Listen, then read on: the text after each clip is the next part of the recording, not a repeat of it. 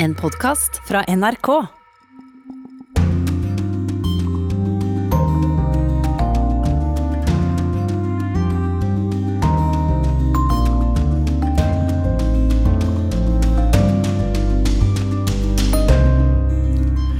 USA følger EU, innfører straffetiltak mot Hviterussland etter det flere ledere kaller en statlig flykapring. Latin-Amerika passerer én million døde av covid-19. Drosjesjåfør José Antonio Pereira i Sao Paulo frykter å bli en del av statistikken. Alguns já perderam a vida. E nós estamos ali. Noen av mine kolleger er døde av covid-19, og mange er blitt smittet. Å tenke på at man kan bli den neste, er et voldsomt press som det er hardt å leve med, sier sjåføren til NRK. En ny geriljagruppe opererer nær den store demningen i Blånidalen i Etiopia. Er det Egypt som står bak? Landet har truet med å bombe demningen. Vi skal møte norsk politi som trener opp politiet i det vestafrikanske landet Mali.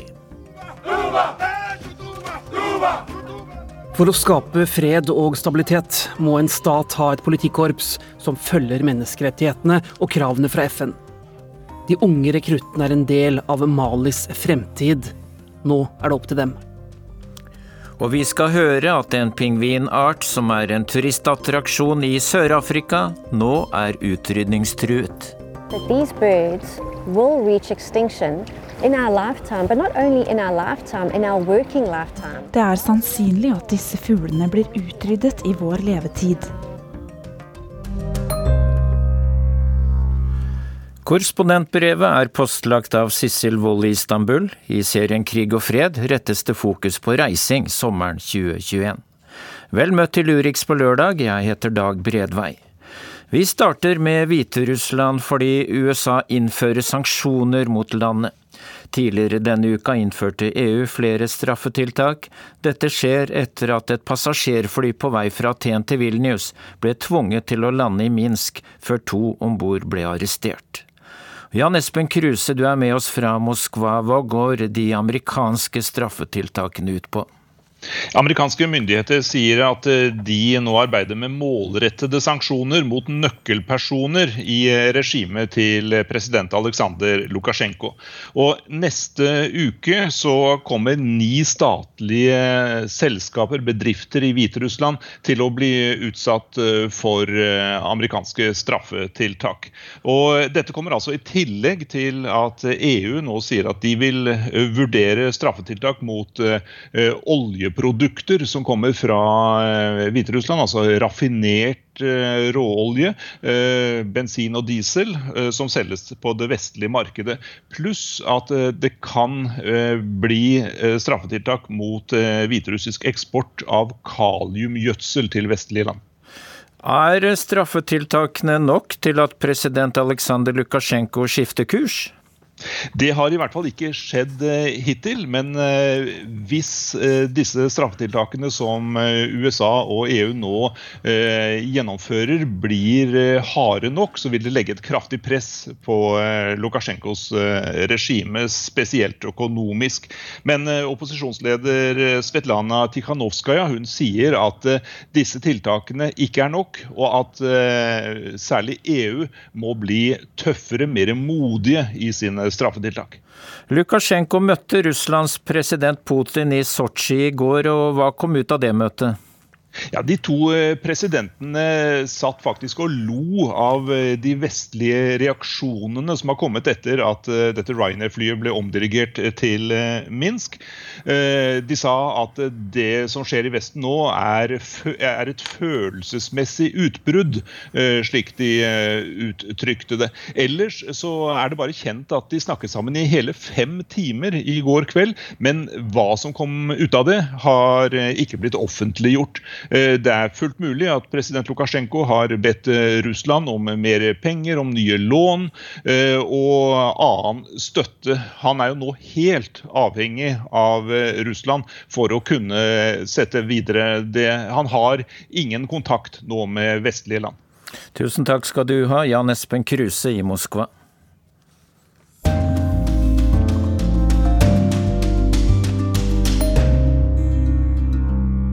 Det vestafrikanske landet Mali har opplevd det andre militærkuppet på under ett år. Landet er nær et sammenbrudd, terrorgrupper kontrollerer stadig større områder, og tusenvis av FN-soldater greier ikke å få kontroll. I dette kaoset står en håndfull norske kriminalteknikere. Norsk politi forsøker å bidra til at Mali kan bygge opp et velfungerende rettssystem uten bruk av tortur, mishandling eller andre brudd på menneskerettighetene. Eirik Veum har laget denne reportasjen.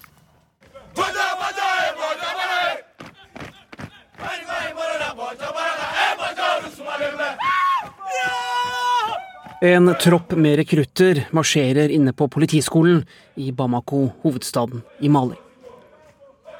De er unge og veltrente, har mørkeblå politiuniformer, er nybarberte på hodet og veldig skitne etter en dag ute i sand og støv.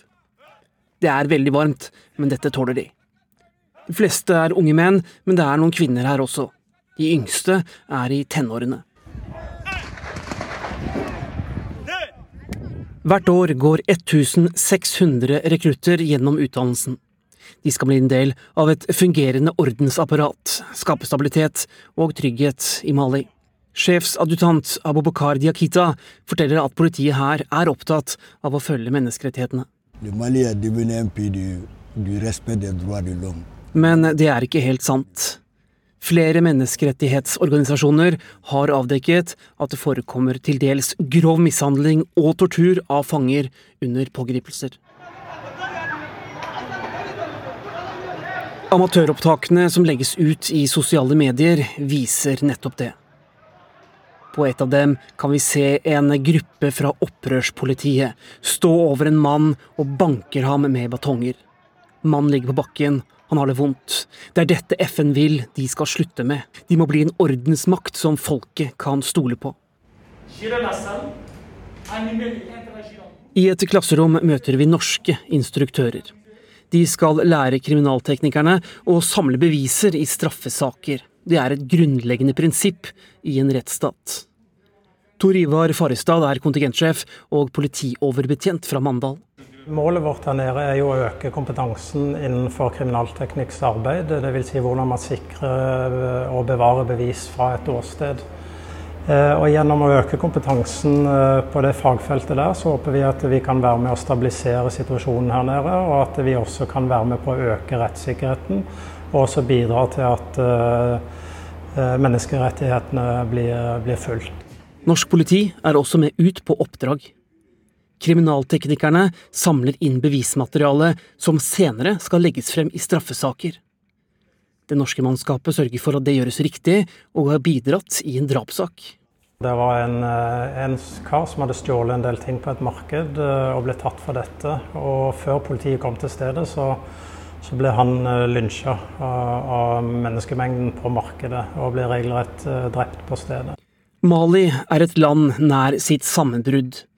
Det er ikke så lett å skape en trygg rettsstat i dette kaoset. Mandag denne uken ble det gjennomført nok et militærkupp. Det er det andre på under ett år. NRK besøkte den norske ambassaden i Mali for noen uker siden, før militærkuppet. Dette landet trenger hjelp, forteller ambassadør Vegard Brynildsen. Det er ikke uten betydning for Europa hva som skjer i Mali. Det er et vell av grunner til å være her. Det er knyttet til utvikling, det er knyttet til beskyttelse av de fattigste. Og det er knyttet til, til sikkerhetssituasjonen. Og det er klart at Sikkerhetsutfordringene og utviklingsutfordringene er eh, veldig tett knyttet sammen.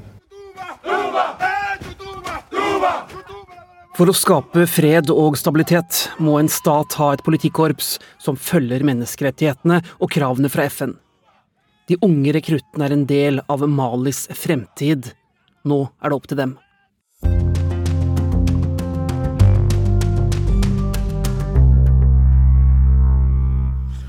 Nå Latin-Amerika, fordi Latin-Amerika har nå passert én million døde som følge av pandemien. Det viser tall fra nettstedet Worldometers. Verst er situasjonen i Brasil. Vår reporter der, Arnt Stefansen, har møtt drosjesjåføren José Antonio Pereira. Han gjør det han kan for ikke å bli en del av dødsstatistikken.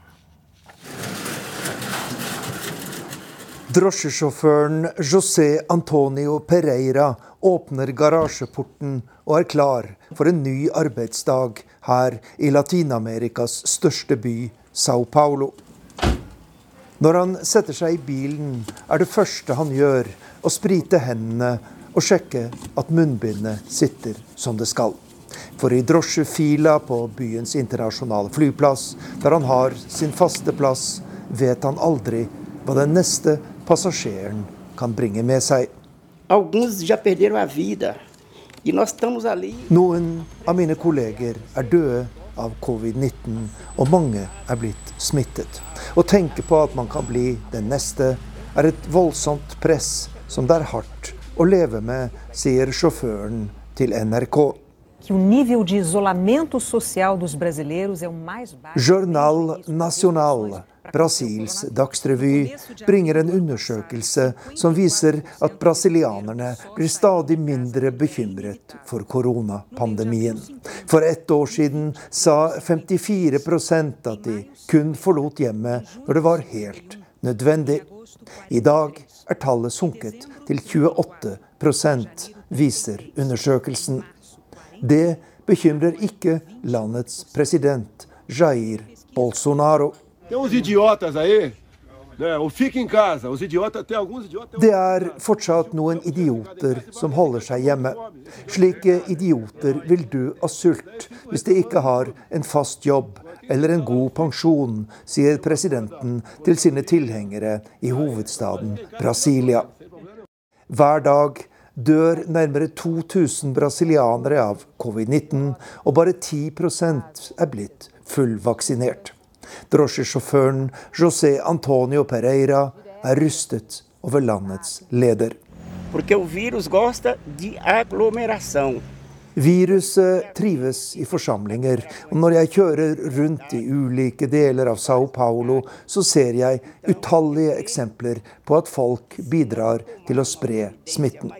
På kveldstid er barene fulle av folk som står tett i tett uten munnbind. Og jeg tenker at presidenten med sin måte å snakke på har mye av skylda for at folk blir smittet og dør, sier sjåføren. I forrige måned åpnet Brasils folkevalgte en offentlig gransking av Bolsonaro-regjeringens håndtering av koronapandemien. Flere nåværende og tidligere ministre er blitt kalt inn av Senatets granskingskommisjon, og arbeidet får enorm oppmerksomhet i brasilianske medier. Kommisjonens visepresident Randolfi Rodriguez sier dette om presidentens koronapolitikk.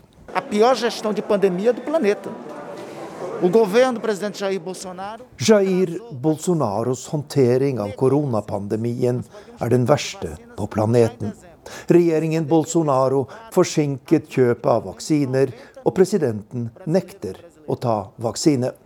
Vi kunne ha hatt vaksiner allerede i desember, og dette kunne ha reddet livet til minst 90 000 brasilianere, sier senator Randolfe Rodriguez i et intervju med NRK i hovedstaden Brasilia.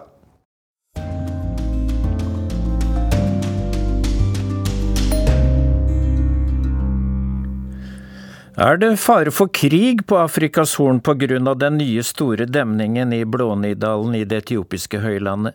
Egypt har truet med å bombe demningen. Det er uro i regionen der demningen ligger. Det kommer meldinger om at Egypt kan stå bak en ny geriljagruppe som terroriserer i Blånidalen. Før sending snakket jeg med Gunnar Sørbø ved Christian Michelsens institutt og tidligere Afrikakorrespondent Tom Christiansen. Han har sett kjempedemningen og beskriver den slik. Altså, det er et svært jorde med åser på begge siden, og mellom der er det altså reist en dom. Det er det største jeg har sett. Det går med så mye sement der at de måtte lage en egen sementfabrikk på stedet, steinknuseverk, de største anleggsmaskiner jeg har sett. Og han som ledet hele greia, direktøren for byggeprosjektet, han var en så stor mann i Etiopia at folk bøyde seg fra ham på fortauet fordi han var den som skulle forene Etiopia i det eneste prosjekt som de betalte for sjøl, og som de eh, eh, kunne skryte av, og som ville omskape hele regionen. Nå kommer det meldinger om at Egypt står bak en ny geriljagruppe som herjer i regionen der demningen befinner seg, og hva er det som skjer, Tom? Det er eh, litt usikkert, men det er altså en ny geriljagruppe som som går inn i landsbyer, terroriserer, dreper eh, valgmedarbeidere, kommunalansatte, er i, i kamper med regjeringshæren. Så det er krefter fra Egypt som ønsker å destabilisere? Ja, fordi at Egypt har jo vært imot denne dammen hele tiden. Denne dammen kom til å, å ta alt vannet fra Nilen, hvilket er helt feil. Den er bygget helt opp til grensa til Sudan, så det blir ikke muligheter å lure unna noe vann på veien. Egypt vil ikke gå inn og angripe land mot land, men nå har de altså en geriljagruppe som gjør den jobben. Nettopp. Gunnar Sørbø, du er antropolog og forsker og har arbeidet mye med geopolitiske forhold i dette området. Hvorfor er Egypt så inderlig imot denne demningen? Lenge før denne såkalte renessansedammen var påtenkt, så har jo frykten for at Etiopia kunne utnytte sin beliggenhet øverst i Nilvassdraget til å påvirke vannføringen i elven. Det har vært Egypts viktigste utenrikspolitiske sak. For her er det veldig mye som står på spill. Egypt er vel egentlig verdens tørreste land og får nesten alt vann fra Nilen. Og omtrent 85% av dette faktisk kommer fra Etiopia, og det aller meste fra Blå-Nilen. Med en befolkning på 100 millioner må de i dag importere 60% av maten, og de sliter faktisk med betydelig vannmangel. Så her er det mye som står på spill. Egypt har truet med å bombe denne demningen, og allerede i 2014 kom utenriksministeren i Egypt med truende kommentarer, og dette sa han til tidligere Midtøsten-korrespondent Sigurd Falkenberg Mikkelsen. This is an issue of life and death. For Egypt, it is a national security issue. We do not take it lightly, nor will we, at any phase, hesitate to defend our interests.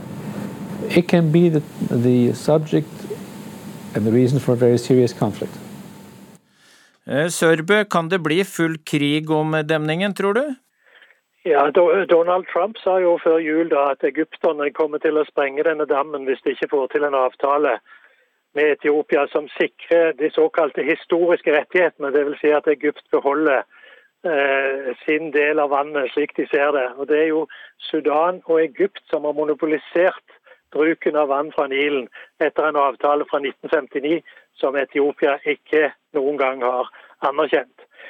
Nå er det slik at eh, det har vært felles militærøvelser med Sudan med deltakelse av både flyvåpen og spesialstyrker. og Rett eh, i slutten av mars sa president El-Sisi at ingen kan ta en dråpe av Egypts vann. Men jeg tror ikke det er overhengende fare for krig. Men eh, at eh, Sisi bruker dette, det han kalles for en eksistensiell trussel mot landet, til å posisjonere seg som nasjonens beskytter, det gjør han. Og det, det er høyt og retorikk.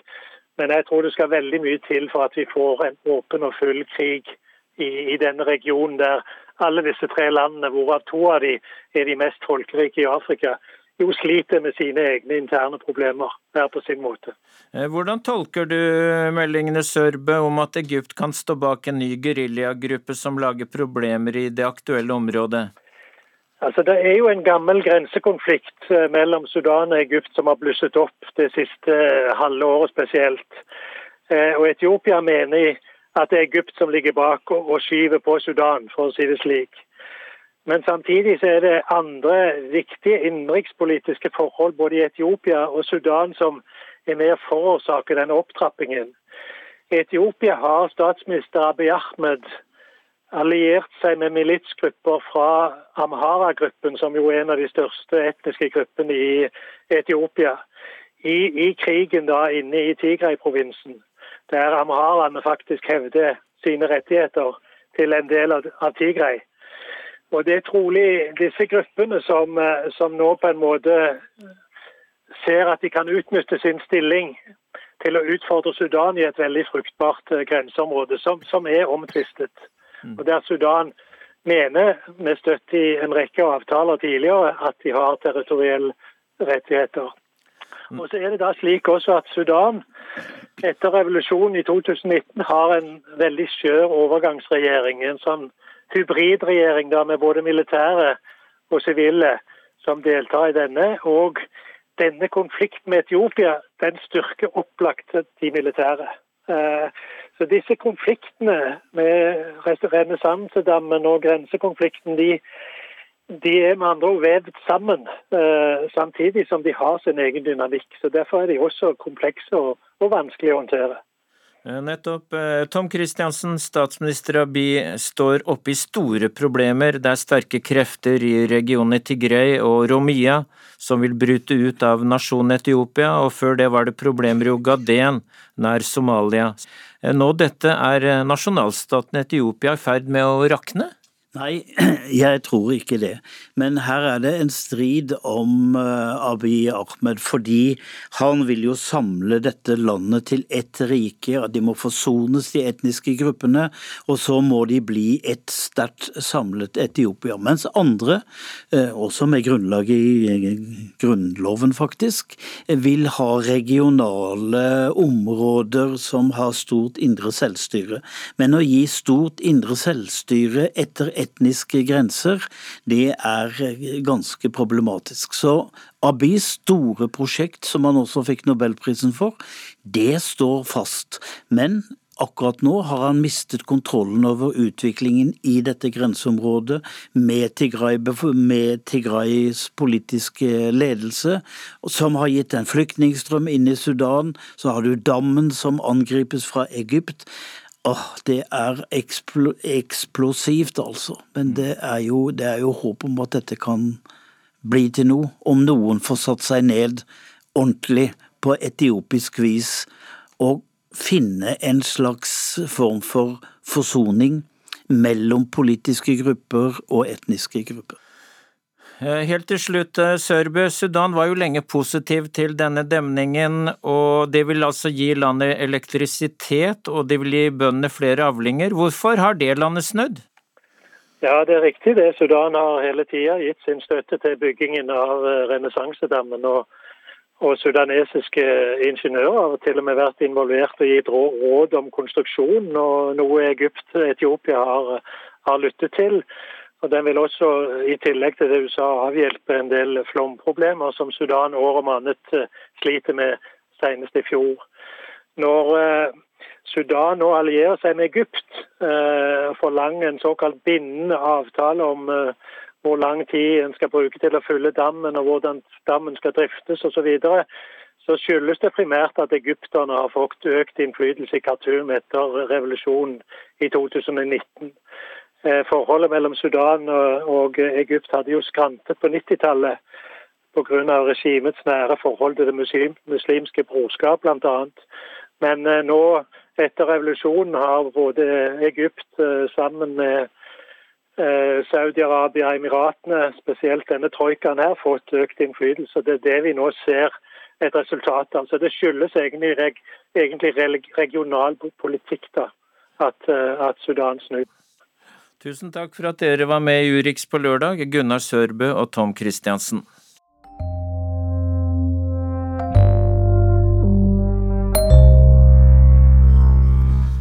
Vi holder oss på det afrikanske kontinentet, men tar et langt sprang når det gjelder temaet. De sorte og hvite kapppingvinene tiltrekker seg tusenvis av turister til strendene i Sør-Afrika hvert år. Men de siste årene har det blitt vanskeligere for pingvinene å overleve. Nå er det bare to prosent igjen av den opprinnelige bestanden, og om bare ti år kan de populære fuglene være utryddet. Stadig flere fugleunger blir forlatt av foreldrene sine i redet. Ida Titlestad Dalbakk har sendt oss denne reportasjen fra Cape Town. I en pappboks med innskriften 'Handle with care' behandles med varsomhet, sitter fem grå, lodne pingvinunger. De er sultne, for foreldrene forlot dem på redet fordi de ikke fant nok mat i havet. Right now we're just filling him with fluids So they had a Daros this morning, which is a probiotic and like electrolytes. Vi fôrer dem med vann som inneholder elektrolytter og probiotika. De får også flytende mat et par ganger om dagen, forteller Christina Kemner. Hun jobber som frivillig på Senteret for rehabilitering av sjøfugler i Cape Town. En etter en løfter hun pingvinungene opp av pappboksen og setter dem på fanget. Så åpner hun nebbet og mater dem med en slange ned i halsen. Ungene smatter i seg innholdet før de blir satt ned i en ny kasse. Håpet er at de skal produsere flere pingvinbabyer den dagen de settes fri. Det er morgen på Afrikas sydspiss, og solstrålene farger havet i et gyllent skjær. Små pingvinføtter tasser på våt sand mot vannet. Den lille flokken med kappingviner er på vei til dagens fisketur ved Seaforth Beach utenfor Cape Town. Det er et kjent syn for tusenvis av turister som kommer til Sør-Afrika hvert år for å se ville pingviner. Men dette synet kan ta slutt om noen få år, skal vi tro ny forskning. So there's a real possibility that these birds will reach extinction in our lifetime, but not only in our lifetime, in our working lifetime. Det er sannsynlig at disse fuglene blir utryddet i vår levetid. Det kommer til å skje nå hvis vi ikke endrer forholdene pingvinene lever under. Derfor er jeg opptatt av å understreke alvoret i denne krisa, sier Lauren Waller. Vi møter biologen på pingvinkolonien Stony Point, halvannen times kjøring fra Cape Town. Hun har skrevet en rapport som viser at kappingvinene vil bli utryddet innen ti år hvis det ikke skjer endringer. Det er bare 2 igjen av den opprinnelige populasjonen av kappingviner som lever langs kysten av Sør-Afrika og Namibia. En av årsakene til dette er klimaendringer som fører til økt temperatur på havoverflaten. Dette fører til endringer i hvordan fisken beveger seg i sjøen, og hvordan den formerer seg. Biologen forteller også at kommersielle fiskerier er en av de største truslene mot pingvinene, fordi begge konkurrerer om ansjos og sardiner i havet. It's not really a seabird versus fishing issue. Marinbiolog Mike Berg, som jobber for den sørafrikanske fiskeindustriforeningen Sapfia, mener årsaken er sammensatt, og peker bl.a. på at pingvineggene i mange år ble sanket og spist av mennesker. Nå diskuterer sørafrikanske myndigheter, biologer og fiskerier hva de kan gjøre for å ta vare på pingvinene. Håpet er at de finner en løsning før det er for sent. Det er nå tid for å åpne ukens korrespondentbrev. Det er postlagt av Sissel Wold i Istanbul. Ben Adam. Det er ordet for menneske på hebraisk. Adama betyr jord, så Ben Adam høres også ut som sønn av jorden. Uansett et fantastisk ord. Men på tyrkisk kan Ben Adam bety 'jeg er en mann', eller på korrekt tyrkisk Ben bir adamim. For språknerder som meg er hvert nye ord en ledetråd til noe annet. Du ser mønstre og ord som har vandret over grenser. For eksempel er det tyrkiske ordet for telt, chadir, samme ord som shador på farsi. Altså dette svarte teltet konservative kvinner i Iran skjuler seg inni. Språk er et viktig verktøy for korrespondenter. Og jeg snakker ikke om engelsk som så mange kan, men fremmedspråk. Jo mer språkmektig du er, jo mer åpenbarer verden seg. Et nytt språk er nøkkelen inn til en skattkiste. Og det er en seier å kunne snakke direkte med intervjuobjekter uten tolken som en glassvegg mellom oss. Jeg har alltid gått i gang med å lære meg språk på nye steder fordi jeg er nysgjerrig, og fordi jeg liker å vite ting. Hebraisk og en god del arabisk lærte jeg ved å lese veiskilt, studere reklameplakater, lære sanger og ta privattimer. Det jeg kan av tyrkisk, har jeg lært fra TV-serier, reklamer, lytte på folk på metroen og mange tyrkisktimer. Få ting kan slå den lykken det er å uttrykke seg på et nytt språk for første gang, og bli forstått. Jeg blir rett og slett litt høy av det. Men tro for all del ikke at jeg er noe språkgeni, for jeg snakker med mye feil. Som f.eks. da jeg tok sats og stilte mitt første spørsmål på tyrkisk. Det var under valgkampen da Ekrem Imamolo forsøkte å bli borgermester i Istanbul. Vi var i et stort lokale der folk satt tett i tett for å se og høre den populære kandidaten. Jeg nærmet meg en godt voksen dame med skaut. Hvorfor liker du Imamolo så godt, skulle jeg spørre. Neden Imamolo Seviorsun hadde jeg skrevet nøye ned.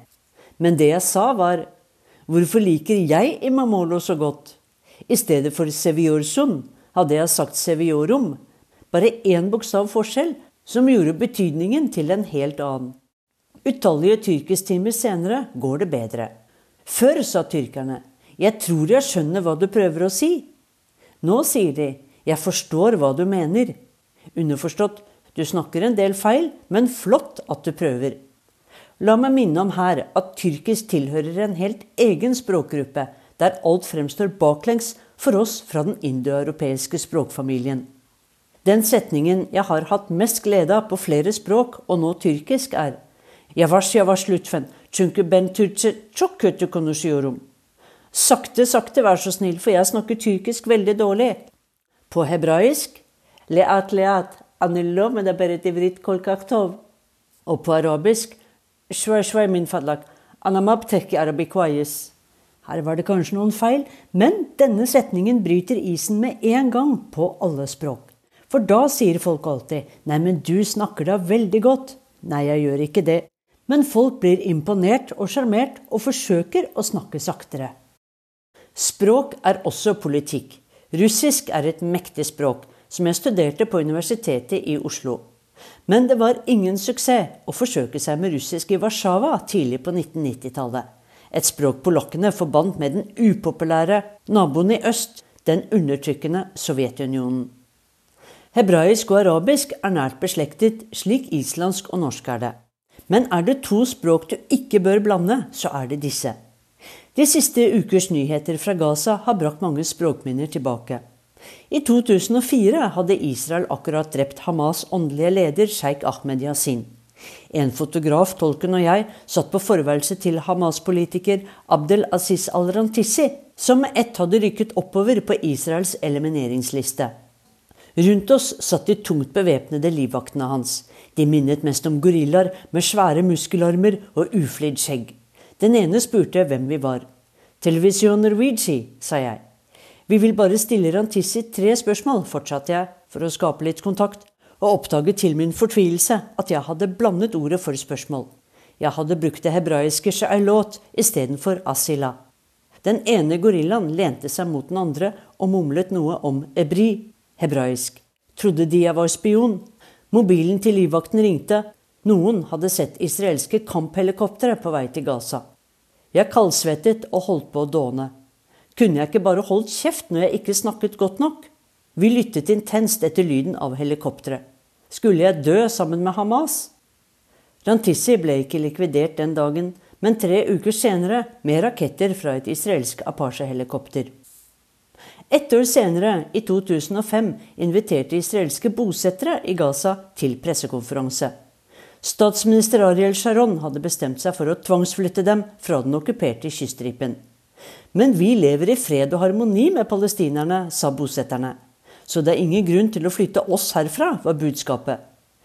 Lykkelig sameksistens, skal vi tro på det, tenkte jeg, til jeg hørte bosetterbarna rope fra skolen. Mavet la aravim! Død over araberne! Hvorfor roper dere det? spurte jeg. Fordi mamma og pappa sier at vi må bli kvitt araberne, svarte de. Vel, et godt eksempel på hva man kan få med seg med språkkunnskap. Hvor mange språk, halvlærte eller flytende, er det plass til i hjernen, lurer jeg på. Sist jeg var i Irak, oppdaget jeg at det jeg kunne av arabisk, var blitt ødelagt av tyrkisken. Og jeg har hørt det fra flere. Når de lærer et nytt språk, forsvinner et annet. En kollega fortalte at fransken hans forsvant da han lærte seg spansk. En iraker fortalte meg at da han hadde bodd i Paris under IS-årene og lært seg fransk, greide han ikke lenger å uttrykke seg på engelsk. Av og til føles det ut som om jeg har en kommode inni hodet der språkene ligger i hver sin skuff. engelsk i en stor skuff, skoletysk i en liten en. Skolefransk-skuffen er nok tom, for i fransk strøk jeg nesten. Da jeg var i Irak i vår, var det som om skuffen med arabiske ord hadde gått i vranglås, mens tyrkerskuffen sto på vidt gap.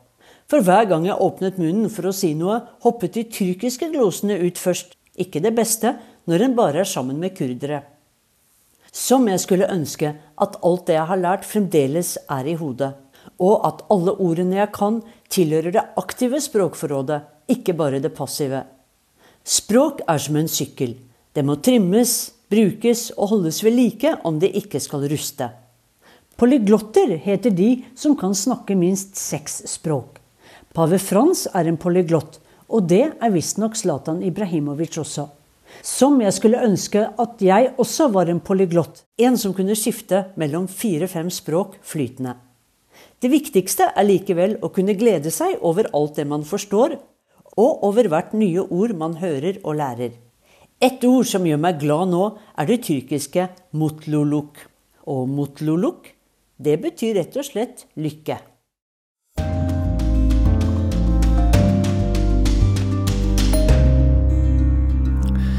Sesongens siste Krig og fred kommer nå.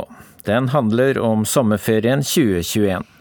Har Norge Europas heftigste innreiserestriksjoner, spørres det der. Sommeren nærmer seg. Sola er visst på vei òg. I Oslo går det an å ta en utepils. Kanskje går det an å reise bort i sommerferien, til og med? Eller kanskje ikke?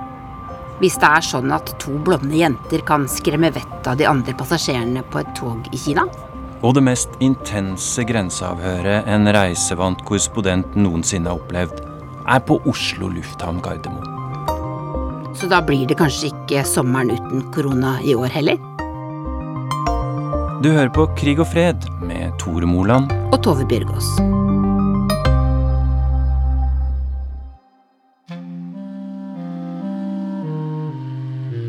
Tore, husker du at i fjor så avslutta vi podsesongen med en episode med tittelen Drittåret 2020? Det husker jeg. Den handla om hvordan det årets første fem-seks måneder virkelig hadde herja med verden. Og vet du hva du spurte en kollega om i den podkasten? Nei. Vi får lov til å reise utenlands.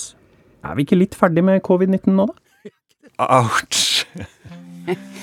Ja, eh, litt sånn eh, skivebom, kanskje.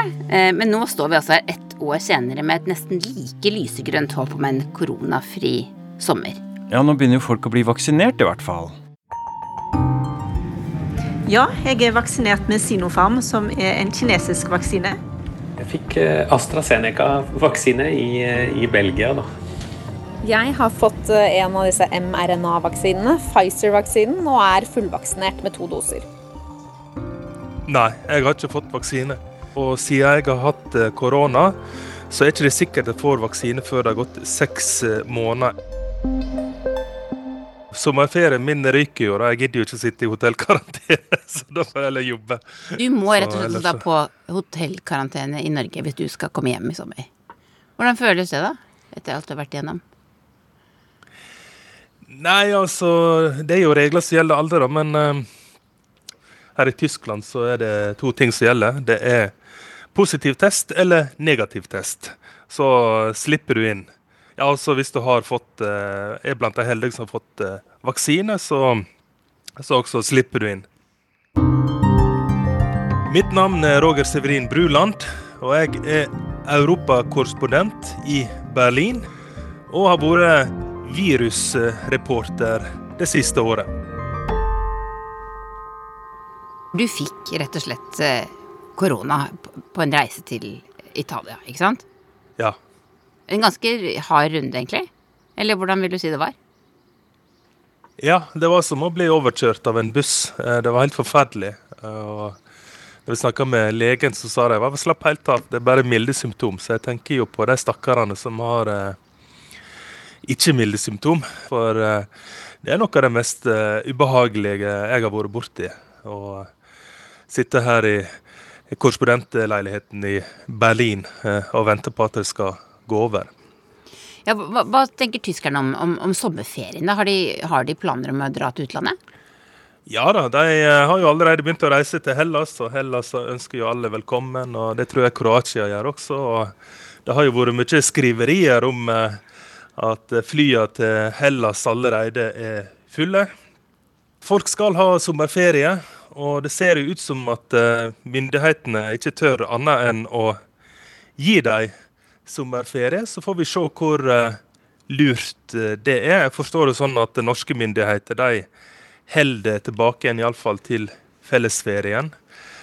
Så, men det har jo vist seg det at med en gang en åpner opp, så kommer smitten tilbake.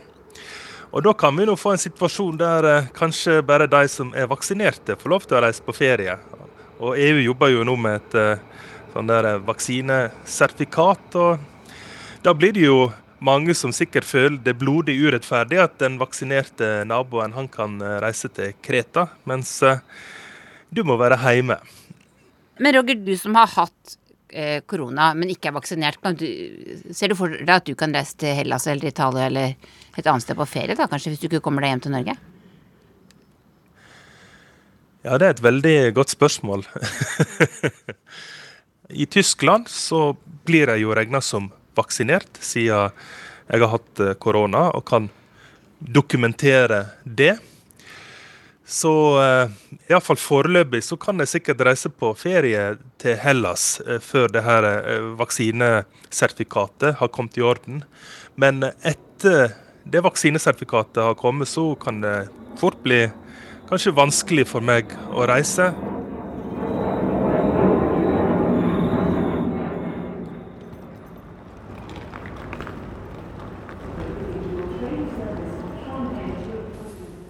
Hvor er du egentlig? Nå sitter jeg i leiligheten min i Oslo for første gang på nesten et år. Og er i karantene, så jeg har det helt greit og litt merkelig. Jeg heter Simen Ekern og jobber som europakorrespondent, vanligvis med base i Brussel.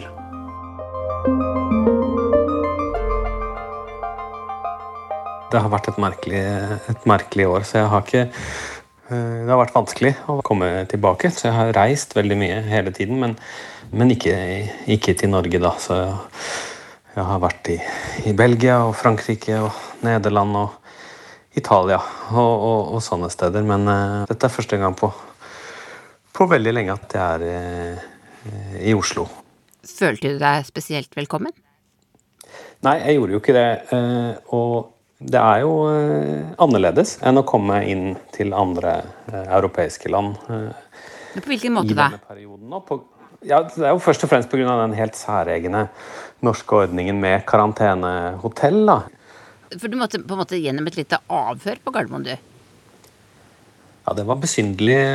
Det må jeg si. Det var litt som å komme til USA og lure på om man har gyldig visum. Jeg husker jo den følelsen av at man liksom må passe seg for å være ekstra høflig fordi man har en sånn slags frykt for Hvis man sier noe som blir tatt feil opp, så man, blir man liksom tatt inn på det andre rommet og må forklare enda mer. Selv om man vet at man har gjort alt riktig. ikke sant? Og den følelsen med norsk pass å komme til Norge og ha den der merkelige eh, murringen i kroppen, så er det selvfølgelig også den følelsen av at man eh, ja, at jeg måtte Jeg hadde jo først tatt en test. Eh, en sånn PCR-test, som det heter, 72 timer i forveien for å kunne fly via Amsterdam. Så måtte jeg ta en hurtigtest i Roma 24 timer før for å komme inn til Gardermoen. Og så er det en ny test på Gardermoen, og så ble jeg vaksinert for 14 dager siden, så man føler jo på en måte at det er veldig mange ting som,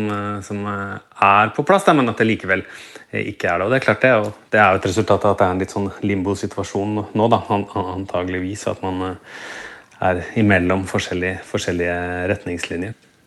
Men Du har jo reist mye rundt i Europa de siste månedene. Hvordan, hvordan er denne situasjonen i de landene du har reist mellom? Det som kjennetegner situasjonen, er vel at det hele tiden eh, endrer seg. Det er noen land eh, der en test har vært nok eh, under hele pandemien. Frankrike for eksempel, har jo ikke hatt noe karantene. Italia har jo eh, vekslet litt, har stort sett ikke vært karantene, men nå har det vært karantene der i en periode på, eh, på fem dager. Jeg var på Ischia, en øy i, i Napoli-bukta, der, der, Henrik Ibsen skrev 'Per Gynt', annet. Men der man nå eh, nettopp girer opp til det man håper blir en eh, turistsesong igjen. Da. En liksom merkelig opplevelse der alle liksom, solsengene ligger klare og, og restaurantene er åpne. Men, men, det er nesten ingen mennesker der eh, fortsatt. Da. Noen italienske eh, turister, men, men, ellers bare en følelse av en øy som eh, som venter på det som skal komme, og en sånn følelse av en mild eh, desperasjon eller et håp. Fordi de venter vel egentlig først og fremst på dette koronapasset, da, på en avtale, på en, eh, en sånn felles europeisk plan. Og de har jo forberedt seg, da, sånn som de greske ferieøyene har gjort, ved å gå foran i vaksinekøen.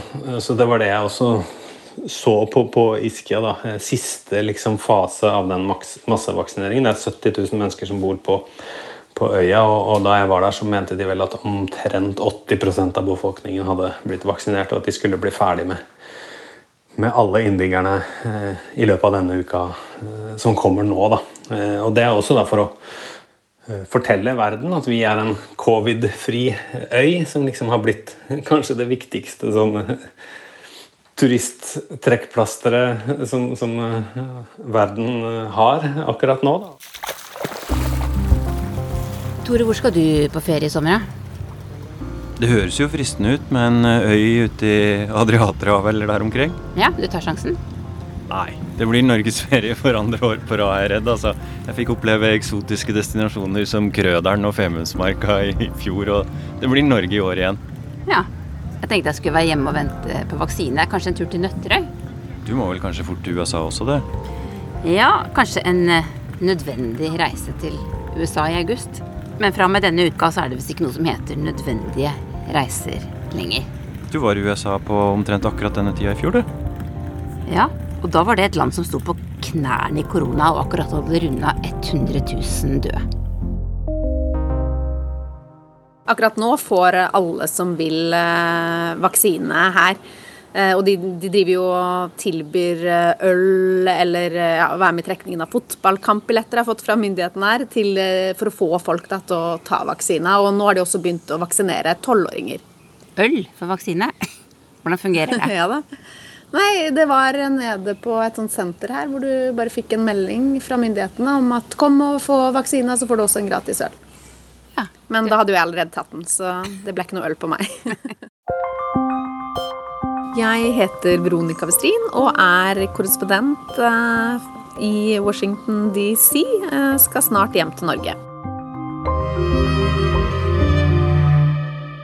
Alle fra tolv år og oppover får nå vaksinene hvis de vil ha, så jeg vet jo om mange foreldre som nå vaksinerer tolvåringene sine. Og vi har også fått tilbud om å være med på sånn prøveprosjekt for barna våre som er fem og åtte.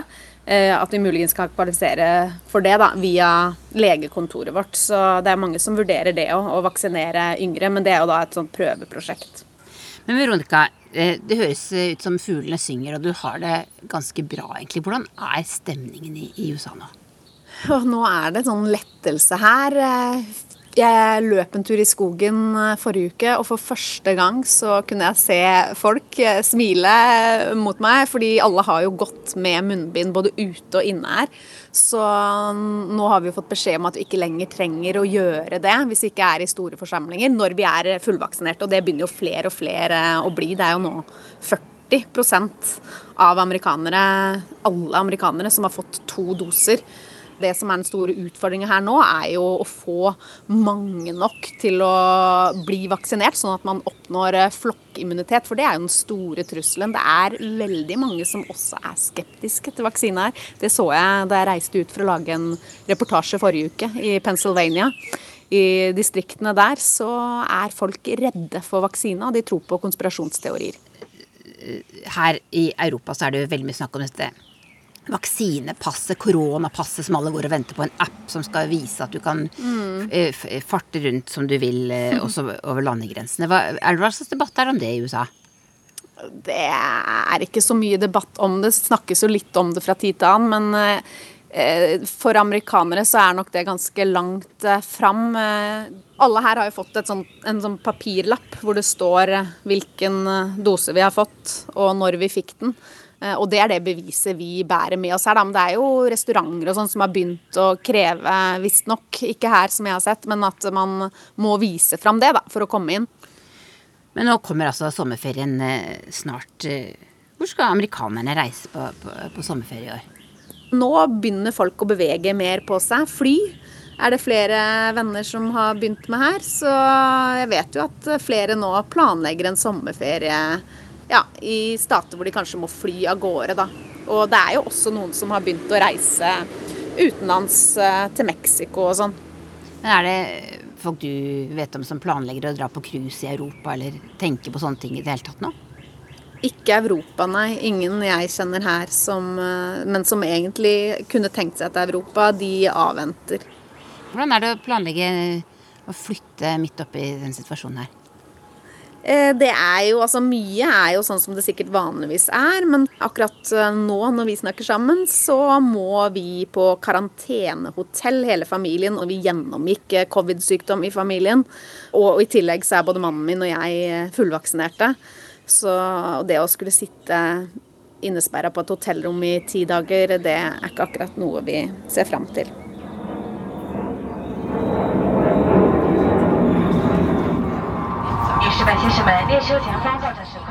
Et av de morsomme øyeblikkene som jeg eh, hadde når jeg var i Yunnan og reiste med tog sammen med dattera mi.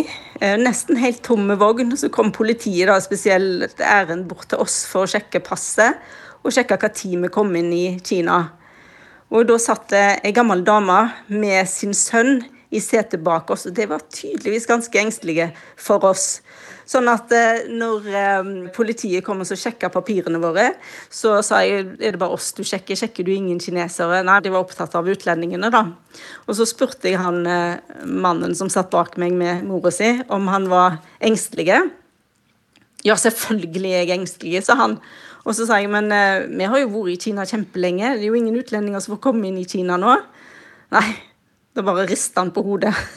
Og var liksom nesten holdt pusten da jeg snakket til han. Og det er jo fordi at uh, kineserne har sett hvordan dette har vært i utlandet. Sant? At det har vært nesten sånn løpsk, dette viruset. da, At man ikke har fått kontroll på det. Jeg heter Kjersti Strømmen og er NRKs Asia-korrespondent og bor i Beijing i Kina. Det er jo nesten litt sånn absurd å være her og se mot Norge, for uh, vi reiser jo nesten helt fritt i Kina. Når det har vært noen små lokale utbrudd eh, i dette enorme landet, så er jo det nesten ingenting for å regne. Men når det skjer, så må man kanskje ta en smittetest før man kan reise. Og Beijing har jo vært veldig veldig strenge, sånn at folk som kommer inn i Beijing fra verden utenfor, som får lov til det, det er heller ikke så mange. Eh, men de må være i karantene i tre uker før de får lov å komme inn i hovedstaden. Dere har en sånn eh, app som dere bruker i hverdagen. Det er et sånt eh, slags eh, koronapass som vi snakker om hjemme. Er, det det?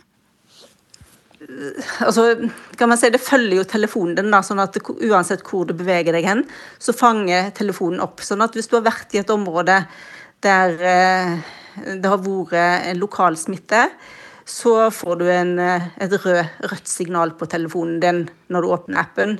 Og Det betyr jo da at da slipper du ikke inn noen steder. Da skal du jo i karantene. Eh, og så får du jo, eh, får du grønt signal da, hvis at du ikke har vært i noen steder som, som, har smitte. Så Da viser man denne dokumentasjonen på flyplasser eller når man skal inn i en butikk eller kjøpesenter, sånn, så man skanner en sånn kode som viser at man ikke har eh, vært i covid-smitta områder. Men du, nå er det jo sommerferie vel også i i Kina snart. Og, og uh, kinesiske turister er jo også veldig viktige for mange markeder rundt omkring i verden. Uh, når, uh, når, tror kineserne at de kan dra på ferie til utlandet igjen? Ja, det virker ikke som om kineserne er så opptatt av å dra fra Kina nå. de opplever jo at eh, Kina er det tryggeste stedet å være i, i verden. Man klarte tidlig å jage dette viruset på dør, og eh, kan reise fritt i eget land. Og eh, mange kinesere er jo ganske sjokkerte over hvor dårlig mange andre land har håndtert dette viruset, og er rett og slett redde for å dra ut for at de skal bli smitta utenfor Kina. Men det er ikke sånn at myndighetene presser på for at kinesere skal få adgang til å reise på ferie til Europa, f.eks.? Nei, altså Kinas eh, dilemma er jo det at man klarte å skal man si, knekke dette viruset sitt angrep ganske raskt. Og uh, det har jo gjort at uh, befolkningen er jo litt utsatt for smitte. Fordi man ikke har Det er ikke så mange som har vært smitta i dette mm. landet. Og eh, Derfor er det jo farlig å sende de ut rundt omkring i verden. Og Derfor er jo Kina òg fremdeles veldig veldig streng med hvem, eh, hvem de slipper inn i eh, landet. Du har hørt vårens siste episode av Krig og fred fra NRK Urix. Takk til deg som har lyttet. Lydregien på denne episoden var ved Lisbeth Sellreite. Redaktøren vår er Marius Tetli og Tove Bjørgaas. Og Tore Moland, som lager denne podkasten, ønsker alle lyttere en god, bekymringsfri sommer.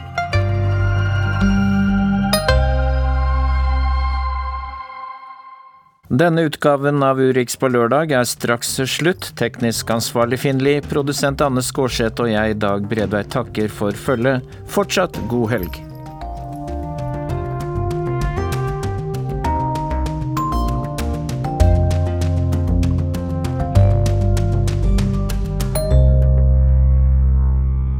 Du har hørt en podkast fra NRK. Hør flere podkaster og din NRK-kanal i appen NRK Radio.